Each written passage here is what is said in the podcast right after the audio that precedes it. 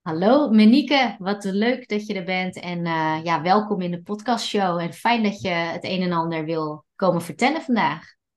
Ja, dankjewel voor de uitnodiging. Ja, wil je eh, voor de luisteraar even kort vertellen wie je bent en wat je doet? Ja, eh, nou, mijn naam is Monique, Monique de Ruiter. En ehm, ik ben yogadocent. Ik heb mijn eigen yogastudio in Twello. En ehm, ja, ik specialiseer me de laatste tijd voornamelijk op het gebied van trauma. Trauma. En dan maar ik kan me voorstellen dat mensen die daar misschien niet zo in thuis zijn, denken van hé, yoga studio en trauma. Hoe hebben die twee verband met elkaar? Kun je daar iets over zeggen?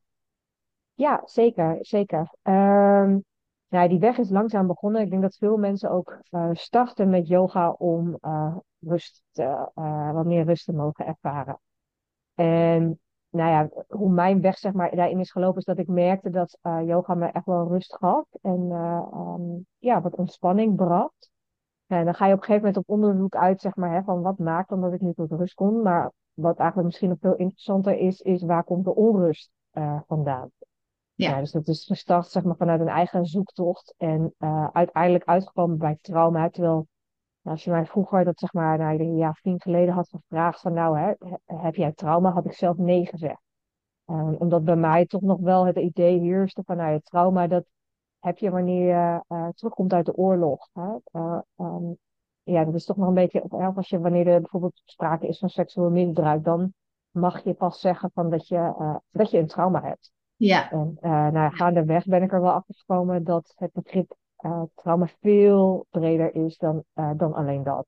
Ja, maar ik vind het ook goed dat je dat even aanstipt. Want dat was ook mijn eerste gedachte van... hé, hey, ik heb ook altijd gedacht van... Nou, trauma, trauma, ik heb geen trauma. Maar inmiddels, nou ja, weet ik ook wel dat dat veel meer is dan wat je net noemde. Uh, Kun je uitleggen wat trauma dan inhoudt? Wat is, dat, ja. wat is trauma? Ja, dan ga ik een uh, zin gebruiken van uh, Gabo Maté uh, best wel een bekende naam ook op het gebied eh, van dit onderwerp. En, want ik vind dat hij een hele mooie definitie daarvan heeft. En wat hij eigenlijk zegt is: trauma is alles wat te groot, te veel, uh, te snel of te weinig voor een lange tijd voor jou was, om op dat moment te kunnen dragen. En als je hem onder die definitie schaart, denk ik dat er niemand is die traumavrij door het leven kan gaan. Ja, dus eigenlijk iedereen heeft zijn trauma's. Ja, ja dat geloof ik wel. Ja. ja. Hey, en um, nou zeg je van nou, het is eigenlijk interessant om te kijken waar komt dan de onrust vandaan. Ik denk dat in, zeker in deze tijd heel veel mensen ook op zoek zijn naar ja, meer rust en ontspanning. en die komen dan misschien ook terecht bij, bij yoga en misschien ook andere manieren van fysiek ontspannen. Um, Kun je iets vertellen over op welke manier dat misschien bij jou, maar ook misschien bij andere mensen, hoe, hoe je ertoe komt om dan echt op onderzoek te gaan en hoe verloopt zo'n ja, hoe verloopt zo'n proces? En, en nou ja, goed, ik heb nog meer vragen, maar laat ik die maar even voor straks bewaren. Ja, ja, dus wat, wat je uh, vraagt is zeg maar van hoe, waarom ga je op zelfonderzoek uit? Is, is dat je vraag? Gaat het ja, goed? niet voldoende dat je al meer rust ervaart. Waarom zou je dan nog op zoek gaan naar waar het vandaan komt? Ja, ik denk dat dat uh, tweeledig is. Ik denk dat dat een stuk uh, nieuwsgierigheid misschien is. Maar tegelijkertijd denk ik ook dat wanneer zeg maar, het leed groot genoeg is, je op onderzoek uitgaat. Ja. wanneer je voelt dat het schrikt, dat het wringt, uh, ja, wil je daarvan af. Um, en ga je dus op onderzoek uit. Ik weet niet of je mijn leraar, mijn eigen yoga-leraar heeft mij ooit, dat het heet, hij noemde dat dan de lobster um, analogy. Um, wat gaat over nou, de kreeft. die uh, schijnt zijn uh, uh, jasje op een gegeven moment te verwisselen. wanneer die dus te krap gaat zitten. Dus in de maat van het groeiproces. Um, gaat het jasje van de kreeft zeg maar, steeds krapper zitten. Maar hij weigert hem af te doen tot het moment dat het zo oncomfortabel en zo ongemakkelijk wordt dat hij eigenlijk geen andere keuze heeft. Ja. En dan dus in een veilig hoekje te kruipen, hem af te doen, om vervolgens dus weer een nieuwe ehm, shell, ja, een nieuwe uh, jasje zeg maar te laten groeien. Ja. En dat vond ik wel een hele mooie uh, uh, metafoor. Want ik denk, ja, zo werkt het wel echt ook in het groeiproces. Het moet zo erg gaan frikken, zo erg gaan wringen. Um, ja, dan ga je dus op onderzoek uit en dan ga je ook je eigen lagen afpellen. Ja, en op welke manieren zie jij dat uh, trauma zich kan uiten, gewoon in het dagelijks leven? Waar kun je dat aan merken dat dat, ja, dat het toch in de weg zit en dat het misschien goed is om juist te gaan kijken waar het vandaan komt? Nou ja, de, waar je het erg in ervaart, is eigenlijk een onregeld zenuwstelsel. Ehm, en ja, dat ze, uh, ja, zal menigeen misschien niet heel veel zeggen, uh, maar hoe zich dat zeg maar, bijvoorbeeld fysiek dan uiten, is een hoge hartslag. Um, tegelijkertijd kan het ook zo zijn dat je juist een hele lage hartslag hebt. Maar misschien komen we daar later in het gesprek ook nog wel op. Mm -hmm. ja, een gevoel van onrust, um, spierspanning. Er kunnen een hele hoop fysieke klachten echt ontstaan. Zoals spanning in de schouders, in de nek, uh, migraine. Ja, er kan van alles, zeg maar, uh, ontstaan. Maar ik denk dat het voornaamste... Um, ja, bij de een uitzicht het heel erg fysiek. Althans, die ervaart het meeste aan klachten fysiek. En bij de andere het meeste mentaal. Uh, bij mijzelf was het het meeste mentaal. Ja. En is dat dan... Uh, zouden heel veel mensen dat ook kunnen herkennen aan dat ze gewoon stressklachten hebben? Ja, zeker. Ja, ja. Stress is ook een heel breed begrip, hè? Maar ja, stress is een teken dat het zenuwstelsel uh, ontregeld is. Ja. Ja, ja. Ja, als ik denk aan, nou ja, gewoon het ondernemerschap bijvoorbeeld. Hè, en uh, ondernemers die uh, bezig zijn eigenlijk met het ontwikkelen en het groeien van een bedrijf. Daar heb je natuurlijk allerlei uitdagingen. en dat ook best regelmatig je stuit tegen dingen die onderliggend wel te maken hebben met dingen die niet geheeld zijn. En dus trauma. En dat je ook op die manier, door uh, in je ondernemerschap eigenlijk bezig te zijn met groei van je bedrijf, waarin er ook van jou gevraagd wordt om soort van mee te groeien en te ontwikkelen. En dat je dan merkt in, nou, misschien in wat je doet, maar of ook hoe je het doet. Dat je denkt van, hé, hey, maar hoe komt het dat? Hoe komt het dat ik bepaalde dingen wel voorneem, mezelf voorneem, maar niet doe en ook niet durf te doen. Hè, waarom kan ik mezelf niet bijvoorbeeld zichtbaar maken terwijl het zo goed zou zijn voor de groei van mijn bedrijf? Hè, hoe komt het dat daar zo'n enorme blokkade op zit? En ik merk ook vaak dat hè, onderliggend daaraan dat dat ook trauma kan zijn. Ja, dat geloof ik, uh, geloof ik direct. Ja, is dat ook ja jij om je heen ziet in de mensen die misschien bij jou uh, ook komen, die jij ook verder helpt?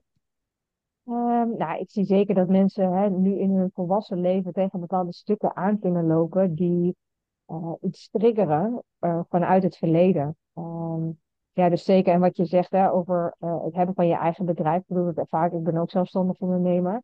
Um, ja, ervaar ik dat zeker. Ik denk wanneer je bedrijf gaat groeien, groei jij daarin mee. En de dingen waar je tegenaan loopt, dat zijn gewoon vaak ook persoonlijke stukken waar je uh, tegenaan loopt. Uh, en struggles die je daarin kunt ervaren. En ja, onzekerheden uh, daarin tegen kunnen komen, ja zeker. Ja, ja. En op welke manier help jij mensen met, met trauma's? Is dat om te kijken waar iets vandaan komt? help je ze door middel van yoga? Hoe, hoe pak jij dat aan? Ja, eigenlijk wel een hele mooie vraag die je hier stelt. Want Um, wat ik eigenlijk doe, is juist niet kijken waar het vandaan komt. Um, daar waar je nou ja, in de reguliere zorg, zeg maar, dat, um, wat ook absoluut zijn functie heeft, zo begrijp me niet verkeerd. Maar wanneer je gaat praten over uh, uh, trauma, als je dan hebt over kijken, zeg maar, in de reguliere zorg, wordt er inderdaad gekeken van waar komt het vandaan. En dat heeft zijn functie, zodat het brein kan begrijpen van, uh, oké, daar komt het vandaan. En dat, dat is heel fijn om te snappen, hè, waar komt uh, ja, bepaalde emoties of bepaalde gedragingen van mezelf, waar komt dat vandaan? Uh, maar dat is dus eigenlijk een heel erg een top-down benadering. Mm -hmm. En wat ik doe is eigenlijk een bottom-up benadering. Dus ik werk echt met het lichaam vanuit het huidige moment, dus vanuit het nu. Um, ja, dus uh, mensen die bij mij komen, dat zijn dan met name die uh, één op één sessies uh, bij mij afnemen. Um, ja, merk ik gewoon mensen die gewoon vastlopen. En dat kan zijn in de vorm van een burn-out, thuis zijn komen te zitten. dat kunnen mensen zijn die denken, ja, ik ben nu wel een keer uitgeluld hè, met het praten over mijn, over mijn problemen, maar ik blijf tegen dezelfde stukken aanlopen. Um, dus ja, die zoeken dan een, een andere inslag. En, ja. ja, en ik ga dus echt met het lichaam aan het werk. Ja, en kun je iets meer vertellen over hoe dat er dan uitziet? Moet ik me dan voorstellen dat je een soort van eh, eh, yoga beoefent en, en ondertussen ook vragen stelt? Of, of hoeft dat helemaal niet? Hoe, hoe ziet dat eruit? Ja, dat heeft eigenlijk meerdere facetten. Uh, ja, hoe ik zeg maar een één op één traject uh, doe, is in het begin wel een stuk uitleg geven over het zenuwstelsel. En ook uh, met iemand uitpluizen, zeg maar, hè, van hoe ziet dat er voor jou uit? En er zijn algemene dingen die we allemaal ervaren wanneer we bijvoorbeeld in de uh, vecht- of vluchtmodus zitten. Um, ja, die komen redelijk overeen, maar toch zijn de uitingen daarvan, ook die komen wel redelijk overeen, maar zijn toch wel weer een beetje persoonlijk. Um, dus het is voornamelijk iemand ook uh, begrip geven of uh, kennis laten maken met zijn of haar eigen zenuwstelsel. Van, hey, hoe voelt dat voor jou wanneer je in de, ja, in de stress schiet? Hè, of in de vecht- of vluchtmodus schiet. Maar dat is eigenlijk maar een kort stuk. We gaan vrij snel de mat op, dus de yogamat op, om daar ehm, ja, elke keer uit te nodigen om in het huidige moment te zijn. En te voelen in het lichaam, wordt ook wel introspectie genoemd. Hè? Dus echt uh, te voelen van, nou ja, sorry, interceptie. Um, te voelen van wat gebeurt er in het lijf. En op basis daarvan keuzes te maken. En het met name uh, het onderdeel keuzes maken is echt wel een groot onderdeel van wat ik doe op de yogamat. En uh, die wil ik wel even toelichten. Um, Waarom dat zo belangrijk is. Want wanneer er sprake is geweest van trauma. En dat kan groot, uh, klein, uh, complex zijn. Um, nou, ik denk dat we allemaal wel eens een moment in ons leven hebben ervaren wanneer we het gevoel hebben gehad geen keus te hebben gehad. Ja. Um, en nogmaals, dat kan iets heel groot zijn, hè, in de vorm bijvoorbeeld van dat een dierbare is overleden, of uh, je huis is afgebrand, hè, uh, wie iets anders is gebeurd. Maar het kunnen ook de kleinere dingen zijn. dat je het gevoel hebt, um, ja, misschien als kind niet helemaal gezien uh, te zijn geweest. Hè, daarin had je op dat moment ook geen keus. Ja. En, daarom, en dat is hetgene wat dus ook in het lichaam geregistreerd wordt. Um, waardoor je het gevoel kunt hebben dat het leven je overkomt. En dat kan een, echt een gevoel van onveiligheid met zich meebrengen. Ja. En veiligheid uit zich dan weer in angst, in onrust, in paniek, in controlegedrag vaak. Hè, omdat je het gevoel hebt gehad geen controle te hebben gehad in het verleden. Ja, en wat ik dus op de mat doe, is eigenlijk heel simpel elke keer weer keuzes voorleggen. Om ervoor te zorgen dat je ja, mag voelen en ervaren dat je in dit moment dus wel een keuze hebt. Dus eigenlijk is het een soort herprogrammeren van je systeem.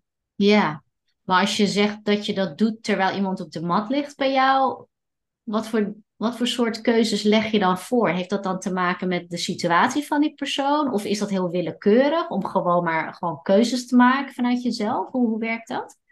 Ja, dus echt puur uh, door te werken met het lichaam. En, en, nou, bijvoorbeeld een voorbeeld daarvan is, nou, voel maar of je je uh, rechterarm wilt strekken in de lucht. Hè? Of mm -hmm. doe je dat misschien liever eerst met je linkerarm? Ja.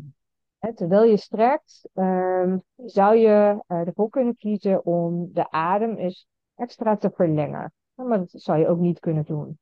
Nou, zo, dus op die manier, um, eigenlijk soms tot vermoeiend aan toe, uh, bied ik mensen constant een keuze. En dat kunnen hele simpele dingen zijn. Dus het gaat er helemaal niet zozeer om, om nou, heel flexibel of lenig te worden of het, het, lichaam in een prachtige uh, houding te krijgen. Um, maar juist eigenlijk meer naar voel maar. Wil je misschien uh, wat cirkels draaien met je rechterpols? Hè? Of wil je, ze, wil je bijvoorbeeld liever wat, wat flexen? Misschien wil je eens daarbij de vingers spreiden. Of een bal juist een bal maken um, van de hand. Um, dus eigenlijk door elke keer weer te voelen. Hey, wat, wat, uh, wat werkt voor mij in dit moment? Hè, wat is passend voor mij in dit moment? En dat kan de ene week heel anders zijn dan de andere week. Um, waar ik ook een beetje mee speel op de mat is bijvoorbeeld het werken met uh, percentages. Dus ook daarin weer een keus maken. En wat ik vaak zie bij mensen met bijvoorbeeld een burn-out, dat die heel snel geneigd zijn om het maximale uh, te willen behalen, zeg maar, op de mat. Hè. Om een simpel voorbeeld te geven. Uh, stel iemand zit, zit op de mat en we gaan een draaiing doen, dus een twist, een draaiing in de werkelkolom. Um, nou, stel ik ook de vraag hè, op een schaal van 0 tot 10, waar denk je dat je nu zit in de draaiing? Hè, waarbij 0, 0 draaiing is en 10 het maximale wat je kunt draaien. En zie ik snel bij mensen met een burn-out dat die geneigd zijn om tot die tien te gaan. Hè? Dus over grenzen Ja. gaan. En dan nodig ik uit, nou, misschien wil je eens experimenteren om eens naar de zeven te gaan. En hoe voelt dat? Merk je een verschil op in de adem? Misschien wil je eens voelen om naar de vijf te gaan of naar de twee. Hè, dus elke keer ja, het lichaam gebruiken om grenzen ook aan te voelen. Ja, ja.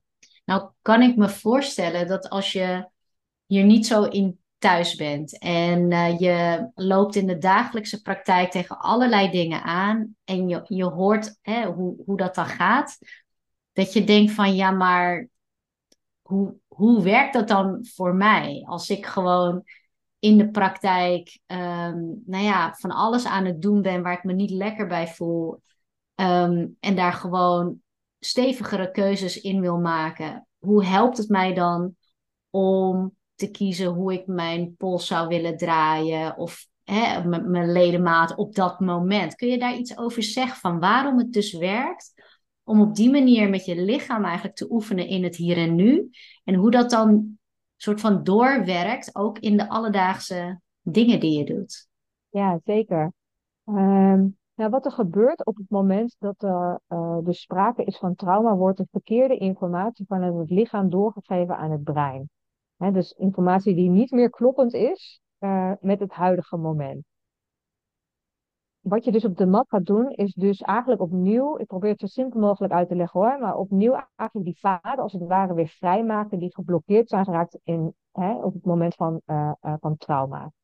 Dus wat je probeert is dat, ehm, dat, de, dat de informatie weer juist wordt doorgezonden vanuit het lichaam naar het brein. Hè, het lichaam eh, is zo'n prachtige tool die eigenlijk eh, ehm, constant aangeeft hoe het echt met ons gaat. We zijn geneigd om snel eh, te denken. Hoe het met ons gaat, maar het gaat over het voelen. Het gaat juist over weg uit het hoofd en in het lichaam zakken. Want juist het lichaam geeft al signalen af, zeg maar, voordat het brein er een verhaal op kan plakken. Ja, Dus elke keer weer naar dat lijf gaan en voelen van, hé, hey, ja, bijvoorbeeld, geeft dit gesprek eh, mij een ontspannen gevoel. En merk ik bijvoorbeeld dat mijn schouders zacht zijn, eh, mijn adem in de richting van mijn buik zit, ehm, ja, dat mijn lichaam ontspannen aanvoelt. Of merk ik bijvoorbeeld dat dit gesprek me een wat ja, verkramping geeft in dit buik, dat mijn schouders net iets meer richting de oren gaan. Nou, of misschien een beetje een gespannen eh, kaak wat ontstaat. Ja, dat zijn allemaal signalen van ja, dat- dat dat gesprek misschien niet zo, niet zo prettig aanvoelt op dat moment. En Ja. wanneer je dat dan opmerkt, kun je daarin keuzes gaan maken van oké, wat wil ik met deze situatie? ja, Ja, het is eigenlijk weer opnieuw in contact komen met het lichaam en de signalen weer juist registreren. ja. Dus als ik het eh, goed zeg, dan wat er bij trauma feitelijk gebeurt, is dat er in je lichaam wordt onthouden of opgeslagen een bepaalde reactie die dan iedere keer gewoon opkomt bij een situatie, een gebeurtenis die, die daar misschien een beetje op lijkt. Waardoor je ehm, de dingen doet die je misschien niet wil doen met je hoofd, maar die gewoon een automatische reactie bij je veroorzaken. En, en als je dus die oefeningen doet die jij dan doet met mensen, dan train je je lichaam en je brein eigenlijk weer om veel meer vanuit het hier en nu op te merken wat er echt aan de hand is en om van daaruit weer een respons te geven in plaats van uit dat trauma van vroeger. Zeg ik dat zo goed? Ja, je vat hem heel mooi samen. Ja, dat, dat is het exact. Dat is het exact. Hè, ons systeem, het, zenuwstelsel, slaat alles op. En ehm, wat ik er onlangs achter ben gekomen, vond ik ook een hele interessante, is dat ons zenuwstelsel nog niet volledig ontwikkeld is wanneer we geboren worden. Hè, dus, eh, en dat ontwikkelt zich eigenlijk nog tot ver in je, in je puberteit, eh, ontwikkelt zich dat verder. En dus dat, dat is ook hetgene wat je met name ziet, dat mensen die eh, echt nog nou, in een volwassen leven tegen stukken aan kunnen lopen, is dat er vaak in de kinderjaren, zeg maar, gebeurtenissen hebben plaatsgevonden ehm, die door de persoon op dat moment in elk geval als traumatisch zijn ervaren. Hè, dus dan is dat zenuwstelsel is beïnvloed in de jonge jaren, waardoor als het ware eigenlijk alle alarmbellen als een soort van op scherp staan. Ja. En wat jij net heel terecht zegt, hè, dan gebeurt er iets. Uh, wat ook maar enigszins aan die situatie van vroeger doet denken. En vaak gebeurt dat onbewust, dus dan heb je dat helemaal niet door. Ja. Um, waardoor het lichaam alle alarmbellen laat afgaan van het is onveilig, het is onveilig, het is onveilig. Terwijl in werkelijkheid er op dat moment misschien helemaal niks aan de hand is. Ja. Um, maar ervaren we dat wel zo? Dus merk je in één keer dat je hartslag omhoog gaat, de adem hoog gaat zitten. En misschien wat gaat zweten of onrust ervaart. Of in verder gevorderde stadia hè, een paniekaanval ontstaat. Um, ja. ja. Ja, en dan kan het ook een beetje voelen alsof je daar geen controle over hebt. Over ja, het gedrag wat je dan, of de reactie die je op dat moment geeft. Precies. Ja, terwijl je misschien van tevoren denkt, nou de volgende keer als zoiets gebeurt, dan ga ik anders reageren. Dan doe, doe ik het rustig en dan maak ik een weloverwogen keuze. En dan, en dan gebeurt er iets onverwachts en dan is de reactie eigenlijk weer net als, nou ja, zoals je gewend bent en wat je eigenlijk wilde veranderen. Ja, ja en dat is dus zeg maar um, de registratie, dat uh, 80% zeg maar, van de prikkels die we opvangen vanuit de omgeving, dan wordt dus opgenomen, uh, of zelfs die informatie gaat via het lijf naar het brein. En slechts 20% andersom. Dus we kunnen wel rationeel bedenken, oh, de volgende keer ga ik anders reageren op die situatie. Maar als jouw lichaam het als onveilig ervaart, Hmm. uh, ja, dan, ja, dan, dan, krijg je dus inderdaad zo'n reactie. Dus dan kun je positief denken wat je wil, maar dat heeft vaak niet zo heel veel zin. Ja, ja. Hey, en je had het net ook over um, manieren van reageren, wat eigenlijk een soort beschermingsmechanisme is, wat je, nou ja, wat je van vroeger misschien hebt aangeleerd, de, de vecht- en vluchtreactie. Um, zijn daar ook andere manieren van reageren in, behalve vechten of vluchten? Want ik, waar ik bijvoorbeeld aan denk, is ook, uh, volgens mij noemen ze dat freeze. Dus dat je niks doet en gewoon doorgaat alsof er niks aan de hand is, terwijl er wel degelijk iets ernstigs gebeurt, zeg maar. Kun je daar iets meer over vertellen? Ja, zeker. Uh, en dit is een, een, staat waar gelukkig steeds meer aandacht uh, uh, voor is. Dat is inderdaad de, de, de bevriezen staat. En dus dat is een staat waarin je. Nou ja, en ik, ik sowieso, hè, ook het vechten en vluchten is aan zich met die staat is niks mis. Hè, want het is je sympathicus. Hè, dus bijvoorbeeld op het moment dat je gaat sporten hè, zit je ook in je sympathische systeem. Dus op zich is het, het, het is niet zo dat vechten en vluchten alleen maar slecht nieuws is. Ja. Helemaal niet. Het is onderdeel van ons mens zijn. Dat, dat hoort er ook gewoon bij. En het heeft ook hele positieve functies. En zo ook het bevriezen. Um, we kennen het denk ik allemaal wel dat je uh, ja, ook momenten gedurende de dag kunt hebben waarin je niet helemaal aanwezig bent. Dus dat je een beetje afwezig bent, een beetje apathisch, eigenlijk niet zo heel erg door hebt wat er om je heen gebeurt. Uh, ja, soms zijn het ook wel momenten dat je zeg maar uh, naar huis rijdt en eigenlijk geen idee hebt hoe je thuis bent gekomen. Hè? Dus dat je gewoon ja, afwezig. Uh, Automatische piloot. Ja, precies. Ja. Um, ja, maar dat kan dus ook in grotere golven komen. Hetzelfde als met vechten en vluchten, waarin het in een grote golf kan komen, waarin je heel veel onrust, stress ervaart, een paniekaanval hebt. Um, kan het net zo goed met de bevriesstaat. Hè? Dus dat je een beetje gedissocieerd raakt, uh, een beetje nam, het gevoel dat je aan het uitchecken bent. Hè? Dus niet alleen uitchecken uit jezelf, maar ook niet meer in verbinding bent met de ander. Ja. Um, ja, dat is wel een, uh, een, een staat waar gelukkig steeds meer uh, uh, bekendheid aan, aan komt. Ja. ja. ik weet eigenlijk niet dat daar minder aandacht voor was. Want ik, ik herken die staat eigenlijk nog beter dan die andere twee. Ja, die andere oh, twee ook wel, ja. Ja, want het is bijvoorbeeld ook, waar ik dan aan denk, is dat als je... Je hebt natuurlijk mensen die heel makkelijk in het moment zelf heel assertief reageren. Dat is iets wat ik altijd wel heel lastig heb gevonden. En wat er dan gebeurde als, als ik dan um, met iemand was die dan op een bepaalde manier heel direct reageert, maar op, op een onverwachte wijze, dan klapte ik dicht. En dan merkte ik dat ik in een, eigenlijk een staat van freeze was door te doen alsof er niks aan de hand was. En pas als degene uit beeld was, dan kwamen pas de, een beetje de emoties. Dat ik dacht van, oh, waarom heb ik, waarom heb ik niet gereageerd? Weet je wel? En, en dan kan je nou, geïrriteerd raken of boos of wat dan ook. Maar dat kwam dan allemaal later. Maar in Ja. het moment zelf was het net alsof... eh, dan is er sowieso niks aan mij te zien. Maar het is ook net alsof het mij dan ook niet raakt op dat moment. Ja, ja. ja, dat is inderdaad ook echt een vorm van, uh, van bevriezen. Ja, en nog wel alles kunnen doen. Hè? Dus gewoon alles zeggen wat je moet zeggen, alles afmaken wat je moet afmaken. Hè, dus die staat van zijn, ja, die is mij wel bekend. Dus eigenlijk hele heftige dingen gebeuren, dan, dan kan ik gewoon doorgaan. Ja.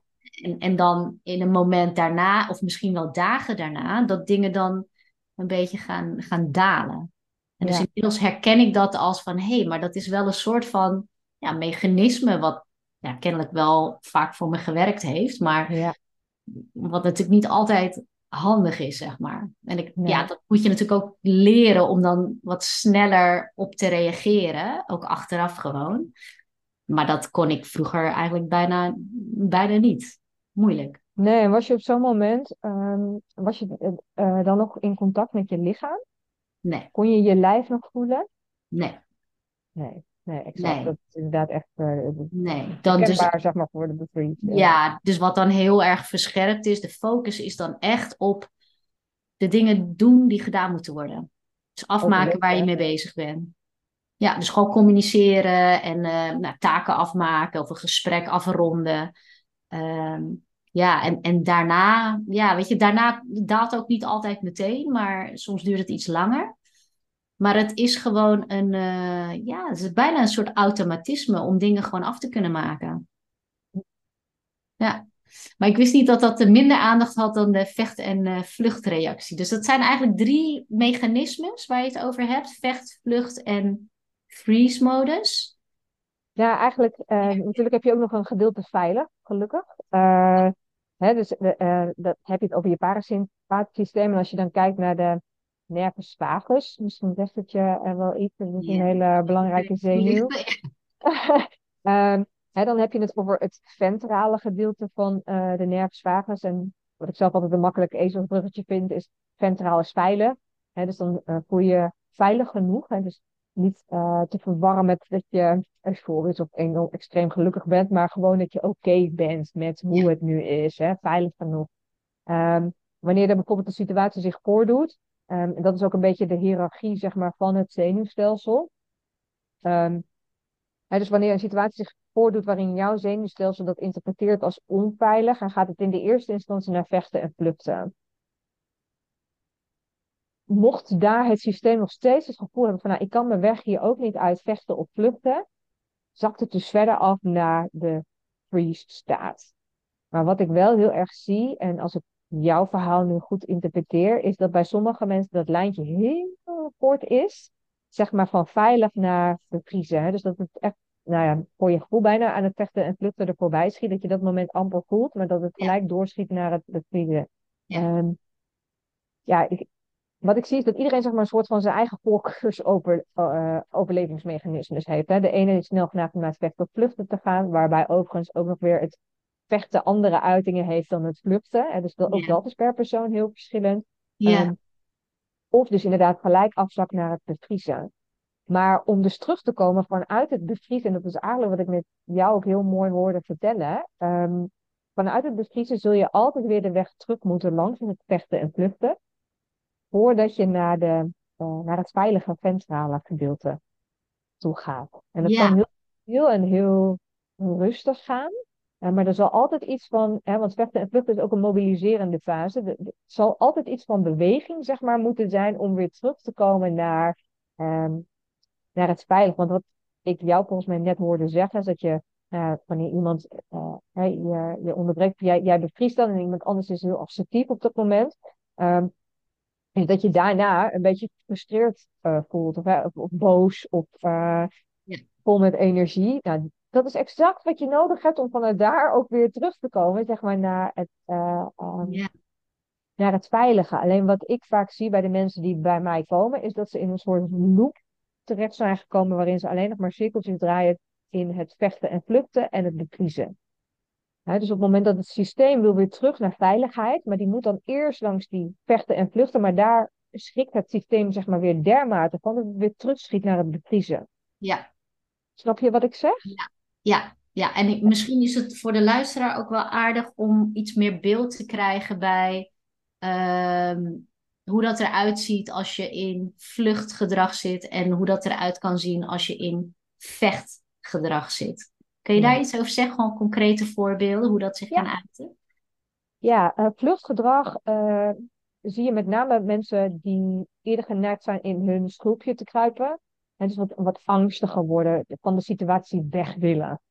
Ehm, en soms zich daar ook letterlijk van wegbewegen. Ja. Ehm, er komt wel vaak, gaat wel vaak gevaar met een hoop onrust. Hè? En met name intern. Dus dat zie je niet zozeer aan de buitenkant. Er zullen mensen zijn die niet zo snel van zich af zullen bijten.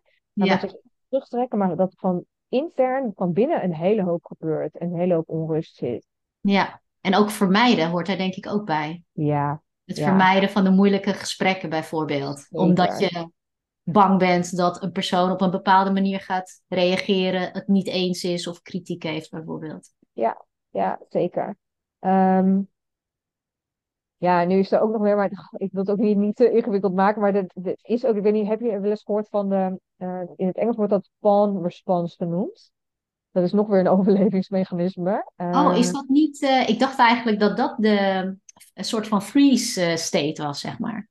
Nee, dat in het, ik zit te denken, in het Nederlands wordt het ook wel eens het eh, behagen eh, systeem genoemd. En dus het eh, gevoel hebben, heel erg please gedrag tonen. Dus al, iedereen alles maar naar de zin willen maken om, eh, om het voor zichzelf zeg maar, maar veilig te houden. En vaak is dit ook aangeleerd gedrag vanuit de kinderjaren. Ehm, maar om even bij je huidige vraag te blijven, hè, bij het, eh, het, het, het vechten en het vluchten.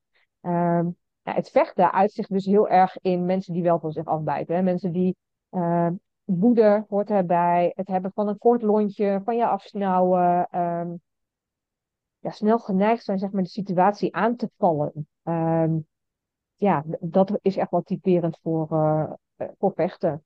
Wat dan bij me opkomt, hè, ik weet niet of dat erbij hoort, is eh, sarcasme. Hmm. Sarcastische grappen eigenlijk mensen een beetje afwenden. Is, hoort dat daar ook bij of niet? Ja, heb ik nog nooit zo naar bekeken. Maar eh, ja, als het zeg maar vanuit dat gevoel van... Ik bedoel, want je kunt ook sarcastische humor hebben. Eh, Ja, dat is niet wat je bedoelt, denk ik, op dit moment. maar als Maar komt vanuit een bepaalde frustratie en eigenlijk gewoon boosheid, Ja. wat je normaal niet zo openlijk bespreekt. Maar dan doe je het met sarcastische grappen of opmerkingen naar ja, iemand. zeker. Ja, ja, dan zou ik hem er zeker wel onder, eh onder zetten. Ja, Oké, dus dat is eh, het vechtgedrag. En ja, we ook al gehad, inderdaad. ja, En dan het free, freeze gedrag. En ja. toen jij zo uitlegde over het, het parasympathische systeem, dus eigenlijk de, de toestand waarin je in een soort van meer ontspannen staat bent en een, een veilige staat voor je lijf ook, Mhm. dan eh, waar ik dan heel erg aan moet denken is dat de mensen die bij mij bijvoorbeeld in een coachingstraject zitten, ervaren soms al heel lang heel veel stress. Gewoon in hun werk, in hun situatie. En soms is, dat, is de mate van stress eh, zo groot dat, ehm, dat we ook voor een stuk vooral werken aan iets meer ontspanning of eigenlijk verlaging van die stress. Omdat je merkt dat als je anders gewoon door probeert te werken aan de doelen die ze dan hebben gesteld voor het traject. Want ik werk natuurlijk met carrière switchers en met ondernemers ja, dat de resultaten ook niet optimaal zijn. Of dat niet, niet, dingen niet helemaal binnenkomen. Of dat dingen niet helemaal opgepakt worden. Omdat zodra ze uit het gesprek gaan en ze gaan weer hun dagelijkse praktijk in. En die, dat stressgehalte is weer zo hoog. Dan is er haast geen ruimte voor die verandering. Is dat iets wat jij ook herkent?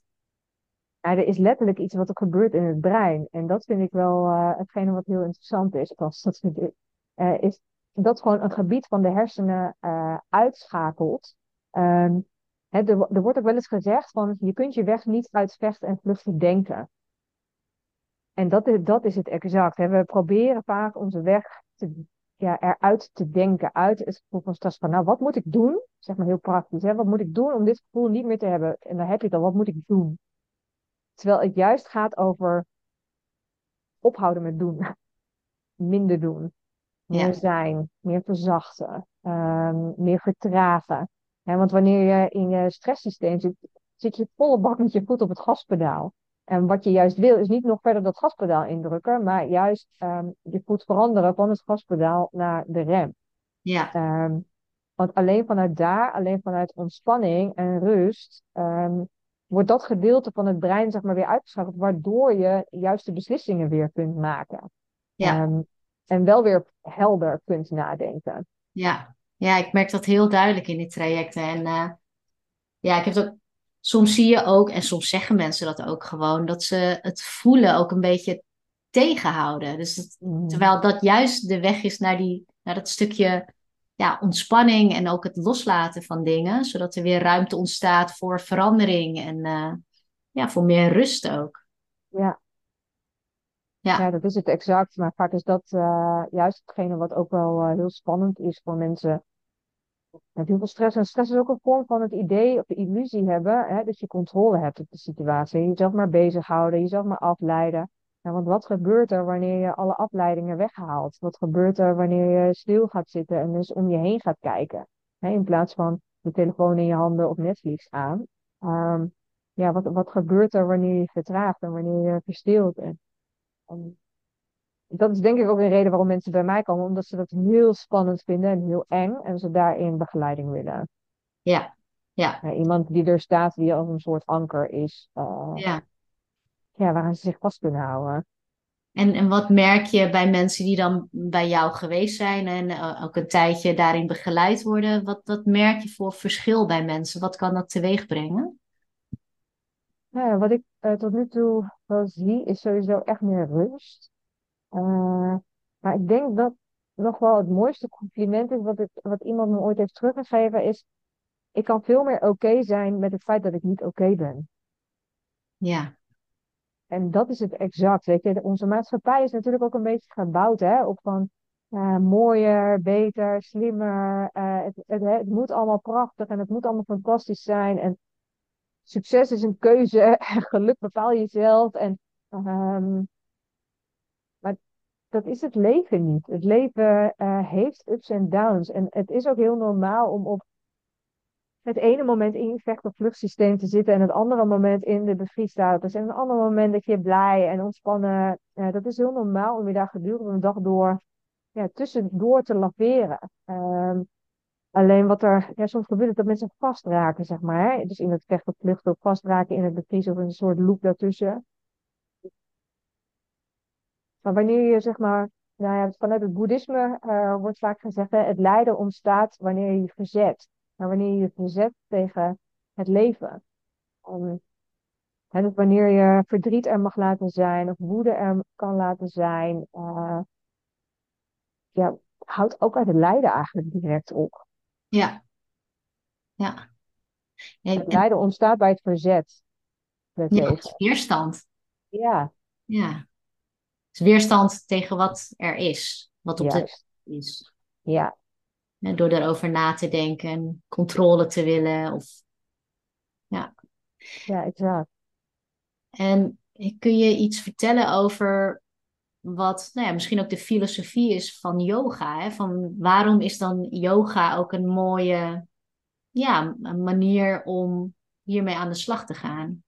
Ja, nou, allereerst, en dat vind ik eigenlijk al wel alleszeggend, is dat het woord uh, yoga, want heel veel mensen denken bij yoga, oh dat zijn de, de houdingen hè, uh, die we doen, uh, op je kop staan.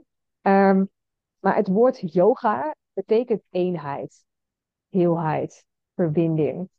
En nou, dat is eigenlijk exact ook wat er gebeurt wanneer, um, nou, wanneer we iets heftigs meemaken, of nou één keer iets heel heftigs is, of voor langere tijd iets heel ongemakkelijk is geweest, ehm, is dat er een soort afgescheidenheid ontstaat in onszelf. Maar ook afgescheidenheid tussen jou en de rest van de wereld. Dat je niet meer in verbinding voelt. En dat is exact waar uh, yoga over gaat. Weer je heel voelen, weer je de eenheid, je verbonden voelen met jezelf, de ander, uh, de rest van de wereld. En dan zegt afgescheidenheid, heeft dat dan te maken met dat beschermingsmechanisme door trauma? Ja, ja en vaak ook het gevoel, zeg maar, dat, um, dat hoe je nu bent, dat dat niet goed genoeg is. Hè, dus dan eigenlijk zet je je af tegen een bepaald aspect van jezelf. Ehm, er gebeurt, eh, buiten dat gebeurt er ook daadwerkelijk wat op fysiologisch vlak. Hè? Dus er gebeurt, uh, trauma uh, heeft ook gewoon effect op het brein. Het is gewoon wetenschappelijk, er, gebeurt, er verandert iets in het brein. Ja. Um, en yoga, uh, ja, door middel van onder andere het, het leven van de filosofie van yoga, maar ook de ademhalingsoefeningen, meditatie, het beoefenen van de houdingen, zelfreflectie. Um, dat zijn allemaal facetten die allemaal horen bij yoga. Ja. Alleen ja, kennen wij vaak alleen maar het stukje op je hoofd staan. Um, maar het is, het is dus veel breder dan dat. Ja, en is het dan zo dat de mensen die in eerste instantie komen voor, nou ja, voor het fysieke stuk en voor de ontspanning, vinden veel mensen via die weg ook de weg naar de filosofie van de yoga en, en eigenlijk het, het diepere werk erachter? Ja, sommigen wel en sommigen niet. Uh, dat verschilt heel erg per persoon. En dat vind ik ook wel heel leuk om te zien in de, in de groepslessen die ik, uh, die ik geef. Um, sommige mensen die komen in de eerste instantie echt alleen voor het fysieke stuk. Hè, dus ik denk vanuit wel wat meer flexibiliteit in het lichaam eh, ervaren. Um, maar die komen dan na de tijd toch wel naar mij toe om te zeggen, nou maar er gebeurt zoveel meer dan alleen in mijn lichaam. Um, hè, dus dan, ja, alleen dat al vind ik al fantastisch om, uh, om te van ja, dat, maar dat is exact wat, wat yoga doet. Het gaat zo voorbij alleen het lichaam. Ja, het lichaam is een, een onderdeel. Uh, maar er gebeurt op heel veel uh, niveaus, zeg maar, een hele hoop. Ja. En jij geeft daar begeleiding in, maar geef je nou ook cursussen daarin of trainingen over de filosofie van yoga en wat je daar allemaal nog mee, meer mee kunt doen? Ja, ik heb tot voor kort ook yogadocenten opgeleid bij een bekend opleidingscentrum voor yogadocenten. Um, waarbij ik met name het stukje uh, filosofie inderdaad gaf. Dus ja, zeker. Ja. ja. Ik heb ook wel workshops, uh, retreat, stilte dagen bijvoorbeeld. Um, ja. ja. En zo'n retraite, kun je daar iets over vertellen? Hoe ziet dat er dan uit, zo'n een retraite bij jou? Ja, nou, ik heb zowel uh, als, als een, een een, eendaagse retraite, een one-day retreat. Um, het weekend wat ik tot nu toe heb gegeven is eigenlijk echt meer gewoon jezelf lekker verwennen. Echt ontspannen. Um, weet je, er zit ook een sauna bij. Het is echt een soort wellness ervaring. Um, waarbij de lessen wel heel erg vertragend werken. Dus het is niet, wie er bekend mee is, echt een sterke vinyasa flow les. Dus dit is een wat meer actievere vorm van yoga. Dat is, dus niet, dat is niet wat, wat ik geef tijdens zo'n retraite. Um, dan gaat het echt over ja, het kalmeren, het reguleren van het zenuwstelsel. Maar zoals binnenkort heb ik weer een, uh, een one-day retreat. En wat ik dan doe, is een hele dag in stilte verblijven. Maar uh, met name voor mensen die er nieuwsgierig naar zijn, maar het ook heel erg spannend vinden. En ja. Stil zijn is voor veel mensen heel, ja, nou ja, heel is misschien wat overdreven, maar het kan beangstigend zijn. Hè? Denk van, oh, maar ik ben er wel nieuwsgierig naar. Maar sommige mensen denken, oh nee, ik kan helemaal niks van hebben, de hele dag mijn mond houden, dat kan ik helemaal niet. um, maar, en dat is wel wat, waarom ik, um, want ik heb zelf ook best wel veel stilte retraites, dus, uh, ben ik zelf ondergaan, uh, waarin ik me zeker niet altijd even veilig heb uh, gevoeld. En um, juist vanuit ja, dat aspect, die overweging, dacht ik, ja, maar ik wil graag een dag geven aan mensen waarin mensen zich veilig voelen gedragen voelen, maar ook. Uh, dus ik begin de dag ook met een uitleg over het zenuwstelsel. En ook uh, geef ik tools mee wat je zelf kan doen die dag om jezelf te helpen reguleren. En ja. je voelt dat je wegzakt in de dissociatie, want meditatie kan daar echt toe uitnodigen. Uh, hè, er is een, best wel een dunne lijn tussen je mm. Ontspannen voelen en stil voelen of wegzakken in de, in de freeze uh, staat. Ja. Um, en van wat kun je in dat moment doen?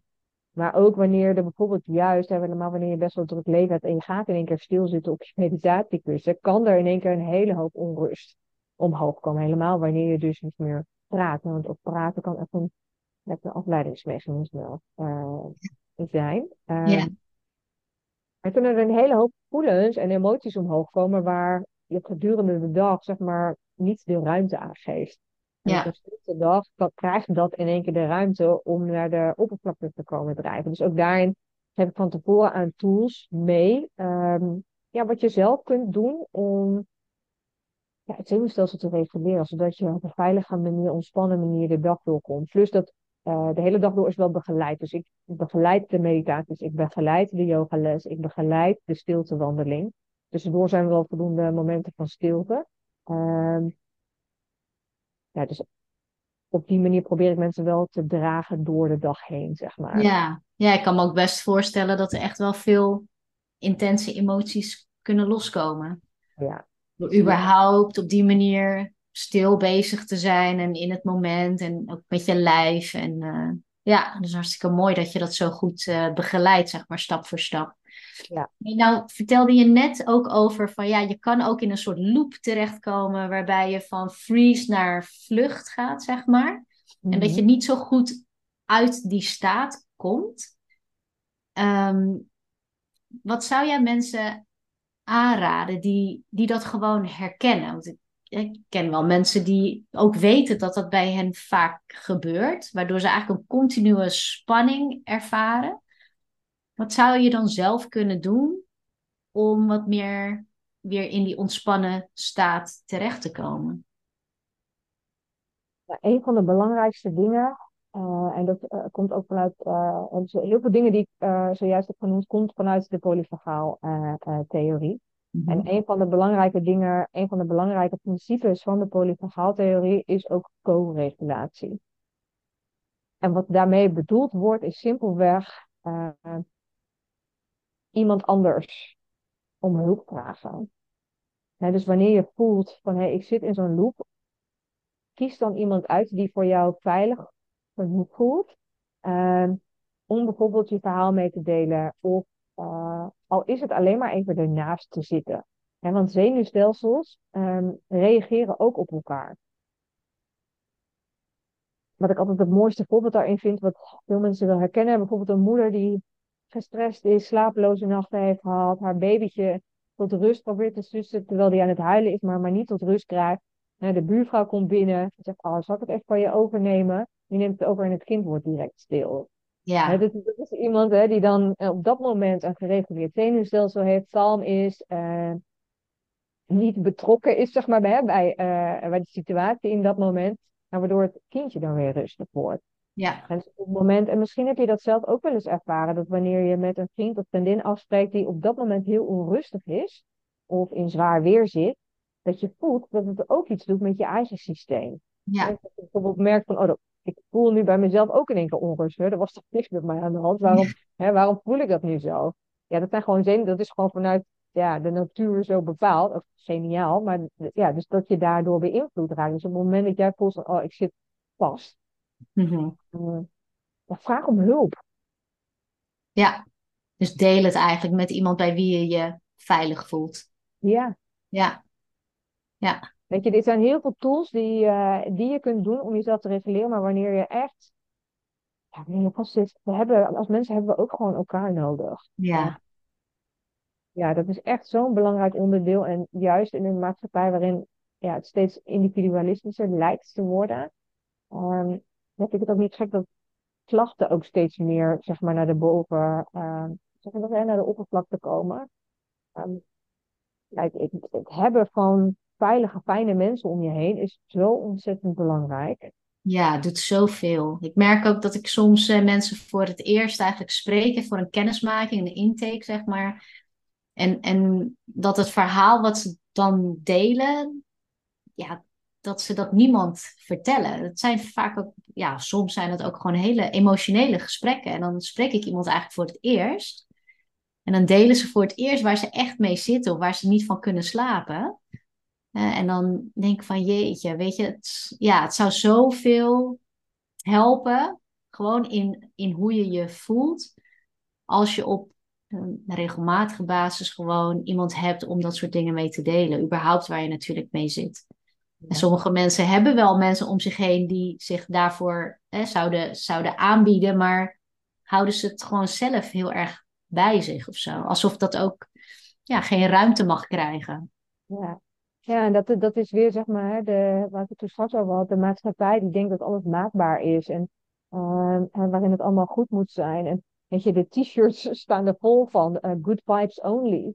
Uh, Hè? Uh, ja, dat, ja, daardoor worden we constant, zeg maar, uh, ja, met de neus filmpjes op Instagram van mensen die op de meest prachtige bounty-eilanden hun droomleven daar vinden. Um, ja, dat doet ook iets met mij als ik dat zie. Dat ik denk, oh, maar moet ik dat dan niet doen? Um, terwijl, ja, in boeddhisme hebben ze het heel erg ook over een simplistisch leven. Eh, weet je, a simple life is a happy life. Um, ja, dat, daar geloof ik wel echt in. Weet je, zo heel veel hebben we helemaal niet nodig uh, met z'n allen. Um, maar verbinding is uh, zo ontzettend belangrijk. Um, ja, verbinding hebben met elkaar. En ja. dus ook je verdriet bij elkaar mogen delen. En vaak, um, als ik, dat is ook een van de dingen die ik zeg bij mensen die bij mij op één op één komen. Van weet je, zoek, ja, zoek iemand met wie je, bij wie je verbonden voelt. Al is het alleen maar om een knuffel, hè, zeg maar, te krijgen. Um, dat kan al zo ontzettend veel goeds met je doen. En vaak wat je dan ook ziet, is wanneer je jezelf deelt, is dat de ander ook gaat delen. En waardoor je weer krijgt oh ja, ik ben niet alleen, zeg maar, in mijn lijden of in mijn stress. Of hè, anderen uh, ervaren dit ook. Ja, ja. Ja, super mooi dat je daar ook gewoon hè, mensen bij helpt hè, door het werk wat jij doet. Um, wat is het wat jij voor nou ja, de ontwikkeling van het werk wat je doet, wat jij voor ogen hebt of wat je graag zou willen dat dat zich op die manier ontwikkelt. Heb je daar, heb je daar je, nou, een beeld bij, een uh, idee bij van, nou ja, dit is wel iets wat ik heel gaaf zou vinden als dat die kant uit zou gaan of dat je meer mensen kan helpen of iets? Ja, ik zou heel graag meer uh, uh, traumabewustzijn willen creëren. En um, nou, voor nu in elk geval heel erg um, zou ik bijvoorbeeld yoga docenten uh, meer traumabewust willen maken. Of mensen die in dit veld zeg maar, werken. Dus ja, um, wat meer traumabewust maken. Juist ook omdat ik zelf in het verleden best wel zoekende ben geweest. Wat ik zei, ik heb stilte-retretes, uh, meditatie, uh, yoga-opleidingen, van alles uh, gevolgd en gedaan. Um, en nu, looking back, um, denk ik, oh ja, daar, daar zijn op sommige punten was daar echt wat winst te behalen, waardoor ik me een stuk veiliger had gevoeld, zeg maar, in de ruimte. Um, dus ik denk dat heel veel yogadocenten hun lessen al veel traumasensitiever kunnen maken door slechts simpele aanpassingen, zeg maar, te doen in je les. Of zich al te bewust te zijn van, hé, hey, wat gebeurt er? Um, wanneer iemand in de freeze-mode zit, of wat gebeurt er wanneer iemand in de vecht-plus-mode zit. En dat ook die signalen, zeg maar, herkennen of opmerken in je les. En um, ja, ja, dus dat is denk ik wel mijn missie om, uh, om de wereld wat, uh, ja, wat meer uh, trauma bewust te maken. Ja, mooi. Ja, want is dat iets wat al in jouw opleiding voor yoga-docenten zit verweven? Of is dat iets waar je aan, nou, mee aan het werk bent, zeg maar? Nou, op dit moment ben ik het aan het ontwikkelen. Dus ik ben daarover, ik ben een training op dit moment aan het schrijven. Ja. ja. Ja, wat super mooi. En als mensen nou meer willen weten over jou en je werk, uh, wat, kunnen ze dan, uh, wat kunnen ze dan opzoeken? Waar kunnen ze jou vinden? Ja, ik ben te vinden op, uh, op Instagram onder mijn naam. En het scheelt wat dat betreft dat ik een ingewikkelde naam heb. Althans, het is niet veel ingewikkeld, maar het is net één letter anders zeg maar, dan uh, menigeen. Dus in plaats van Monique is het Munike. En dan schrijf je M-E-N-I-E-K-E. Um, dus daar kun je vinden op Instagram en anders op uh, www.yogapatterns.nl. Super. Is er nog iets tot slot uh, wat we niet hebben besproken waarvan je denkt van nou, maar dat wil ik toch nog wel even vertellen? Hm. Nou, niet ik, uh, waar ik zo direct op kom.